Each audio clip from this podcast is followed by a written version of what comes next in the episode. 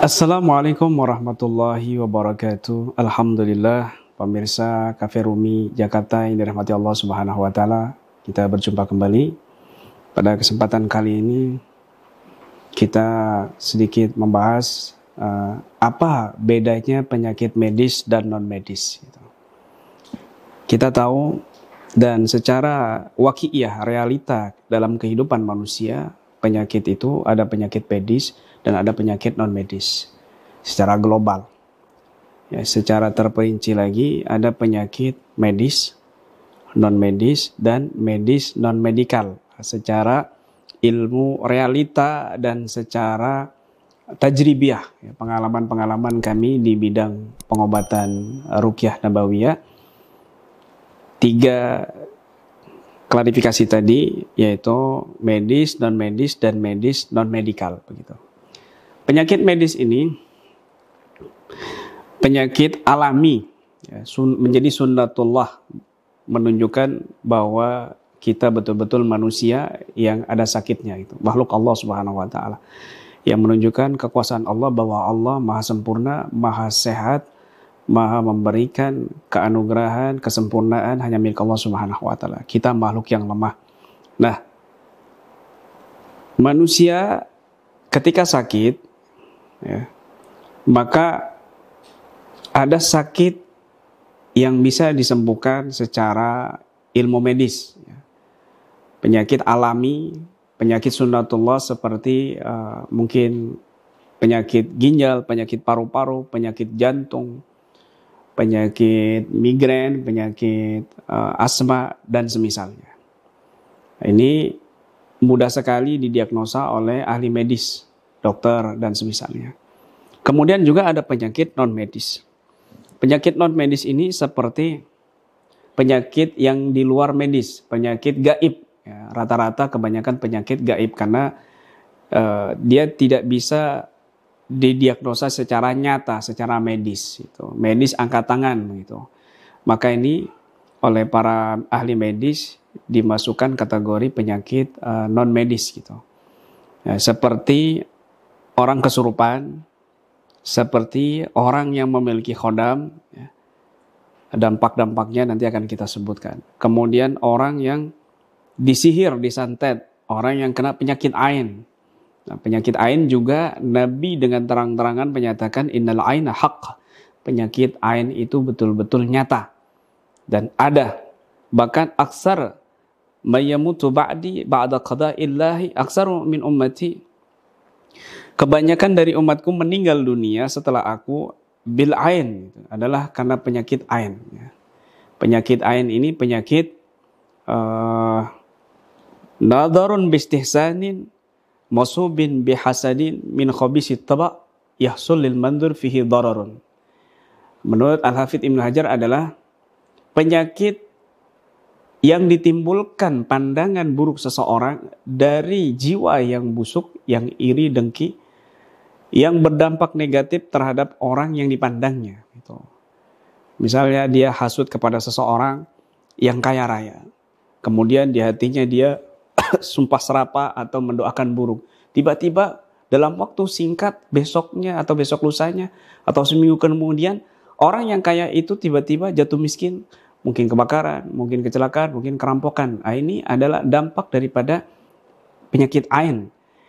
Penyakit ain ini dari orang yang hasut tadi itu disertai dengan racun setan yang menumpang di orang yang hasut tadi itu.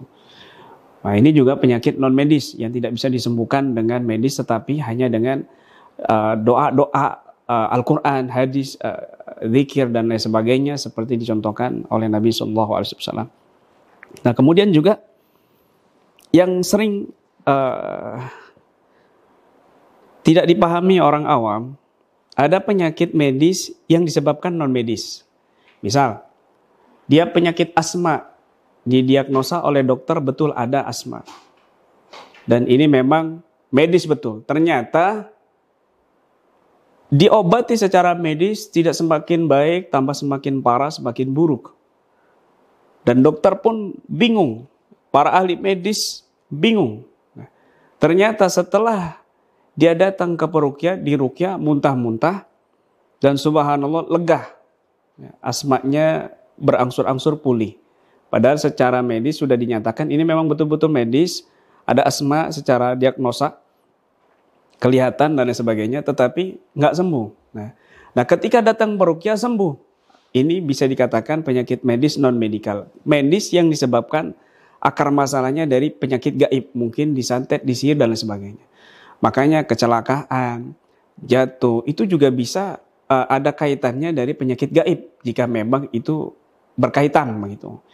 Tapi ada murni yang memang kecelakaan, ada juga yang karena kecelakaan atau mungkin uh, sakit dan sebagainya karena gangguan gaib mungkin diserang dan sebagainya begitu. Maka uh, tidak ada salahnya kita berobat dengan rukyah baik itu penyakit medis ataupun non medis begitu.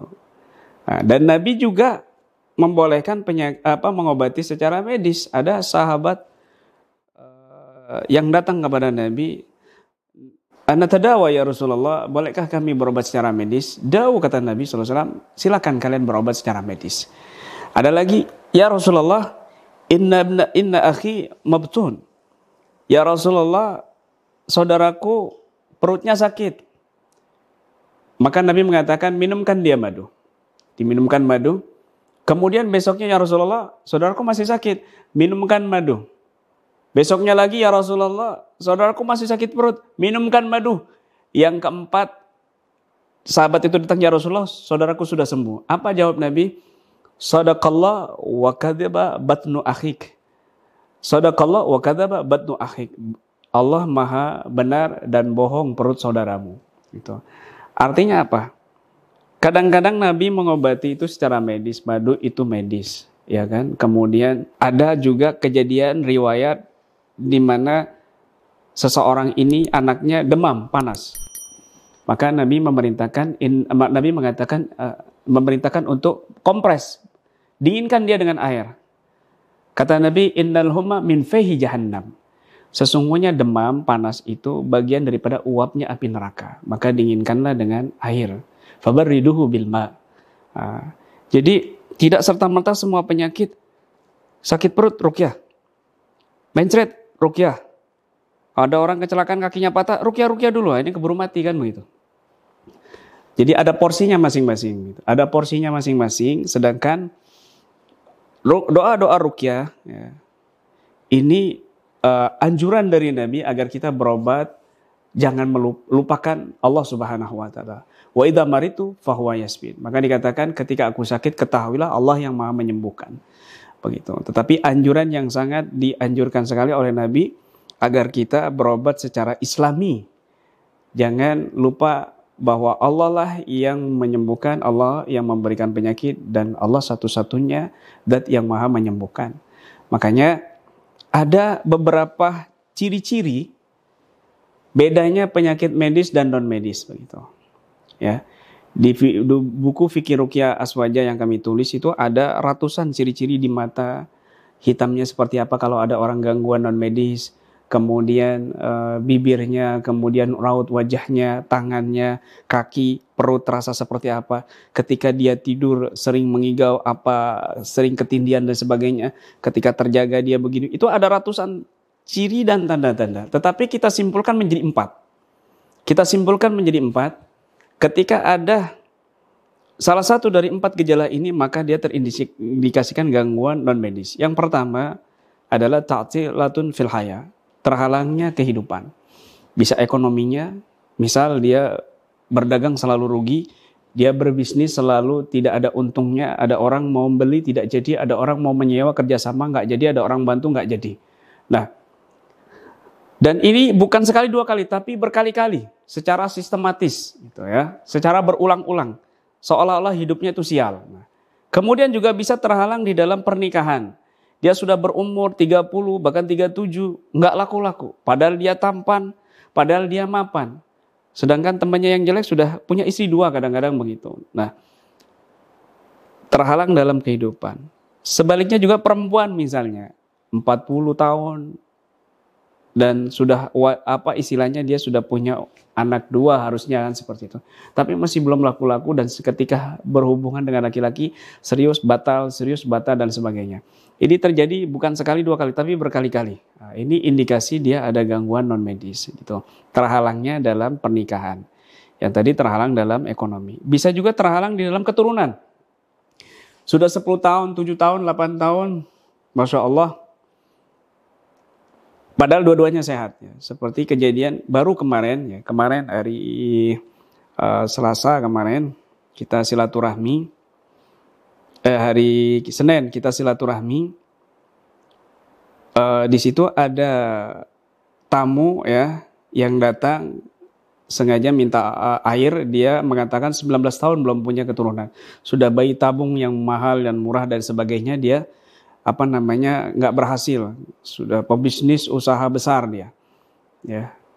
Kemudian ketika kita rukyah dan kita totok subhanallah ada yang lepas dengan jelas suara dari mulutnya secara panjang sekali seperti sendawa tapi panjang ah keluar. Dan subhanallah penyakit di punggungnya, berat di punggungnya yang sekian tahun lamanya dia rasakan dan sudah dia obati pijit ke mana-mana nggak sembuh. Bahkan dikerok berkali-kali sampai lecet tetap masih sakit. Hilang dan rasa migrainnya bahkan dia sempat kaget ketika selesai ditangani oleh kami dia pakai kacamata. Dia bilang e, saya kenapa kok pusing pakai kacamata? Gitu. Akhirnya dia lepas kacamata lebih jelas lagi gitu. Subhanallah 19 tahun dan rasa perut yang sering bergerak-gerak di perut hilang seketika itu. Barokah daripada Al-Quran. Mudah-mudahan kita doakan dia segera punya keturunan dari Allah Subhanahu wa taala, anugerah dari Allah Subhanahu wa taala. Amin ya rabbal alamin. Kemudian uh, gejala yang kedua, sakit yang tidak wajar. Nah, ini sering kita dengar dan sering kita saksikan. Entah itu orang lain atau keluarga kita atau mungkin diri kita sendiri. Dokter A bilangnya lambung, dokter B bilangnya jantung, dokter C bilangnya usus. Dokter A nggak perlu operasi, dokter B harus operasi, dokter C bingung. Sampai uangnya habis, obatnya habis, tidak sembuh-sembuh. Dan aneh diagnosanya ini tidak memastikan. Membuat dokter bingung dan penyakitnya terus terus bertambah parah. Nah, ini gejala yang kedua penyakit yang tidak wajar. Gejala yang ketiga mental yang tidak wajar. Sering emosian, mudah marah, mudah tersinggung. Bahkan dia uh, tiba-tiba malas ibadah, nggak punya semangat untuk zikir. Kalau di rumah panas, ketemu istrinya ngomel-ngomel, kasar bicaranya. Giliran bicara dengan istri-istri tetangganya, wah lembutnya Masya Allah. Tapi kalau sudah di rumah dia panas. Kalau di luar dia biasa saja. Emosi, ya. Kalau keluar rumah seolah-olah tetangganya kanan dan kiri membicarakan dia, padahal tidak. Atau dia dulunya sosialisasi di masyarakat tinggi, tiba-tiba dia mengucilkan diri di kamar. Nggak mau bersosialisasi di masyarakat. Dia takut mati, atau mungkin dia kepingin mati, putus asa dalam hidupnya. Ini mental yang tidak wajar. Ini uh, indikasi besar dia ada gangguan non medis. Kemudian gejala yang keempat, yang terakhir, yaitu mimpi buruk. Mimpi yang berkaitan dengan keranda, mimpi orang meninggal, mimpi melihat dirinya meninggal, mimpi melihat keranda yang berkaitan dengan kuburan dan orang mati. Maka biasanya dampaknya dia seperti orang mati, bawaannya itu pingin rebahan saja, padahal sudah istirahat cukup tapi terasa capek, lelah sekali.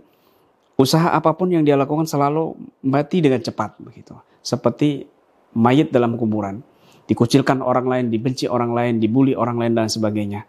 Nah, kemudian bisa mimpi yang berkaitan dengan ketinggian. Ya. Kalau dengan kuburan biasanya buhulnya, media sihirnya itu ya foto, bekas pakaiannya, rambut, darah, bahkan putung rokok diolah, ya ditiup lalu ditanam dalam kuburan. Maka dampaknya dia seperti mayat. Atau dia mimpi yang berkaitan dengan ketinggian. Ya, mimpi jatuh, mimpi terjerumus, mimpi di atas bukit, mimpi terbang dan lain sebagainya. Maka dampaknya dia tidak tentu arah hidupnya ke mana. Gitu ya. Atau mimpi yang berkaitan dengan air, mimpi banjir, mimpi tsunami, mimpi menyeberangi lautan, mimpi di tengah-tengah laut, mimpi tenggelam dan sebagainya, maka dampaknya dia seperti mengambil air dengan telapak tangannya apa pun yang diusahakan habis seketika. Nah ini adalah empat gejala tanda seseorang ini ada indikasi gangguan gaib. Ya, jadi dengan empat ini menjadi perbedaan antara penyakit medis dan penyakit non medis. Demikian mudah-mudahan bermanfaat.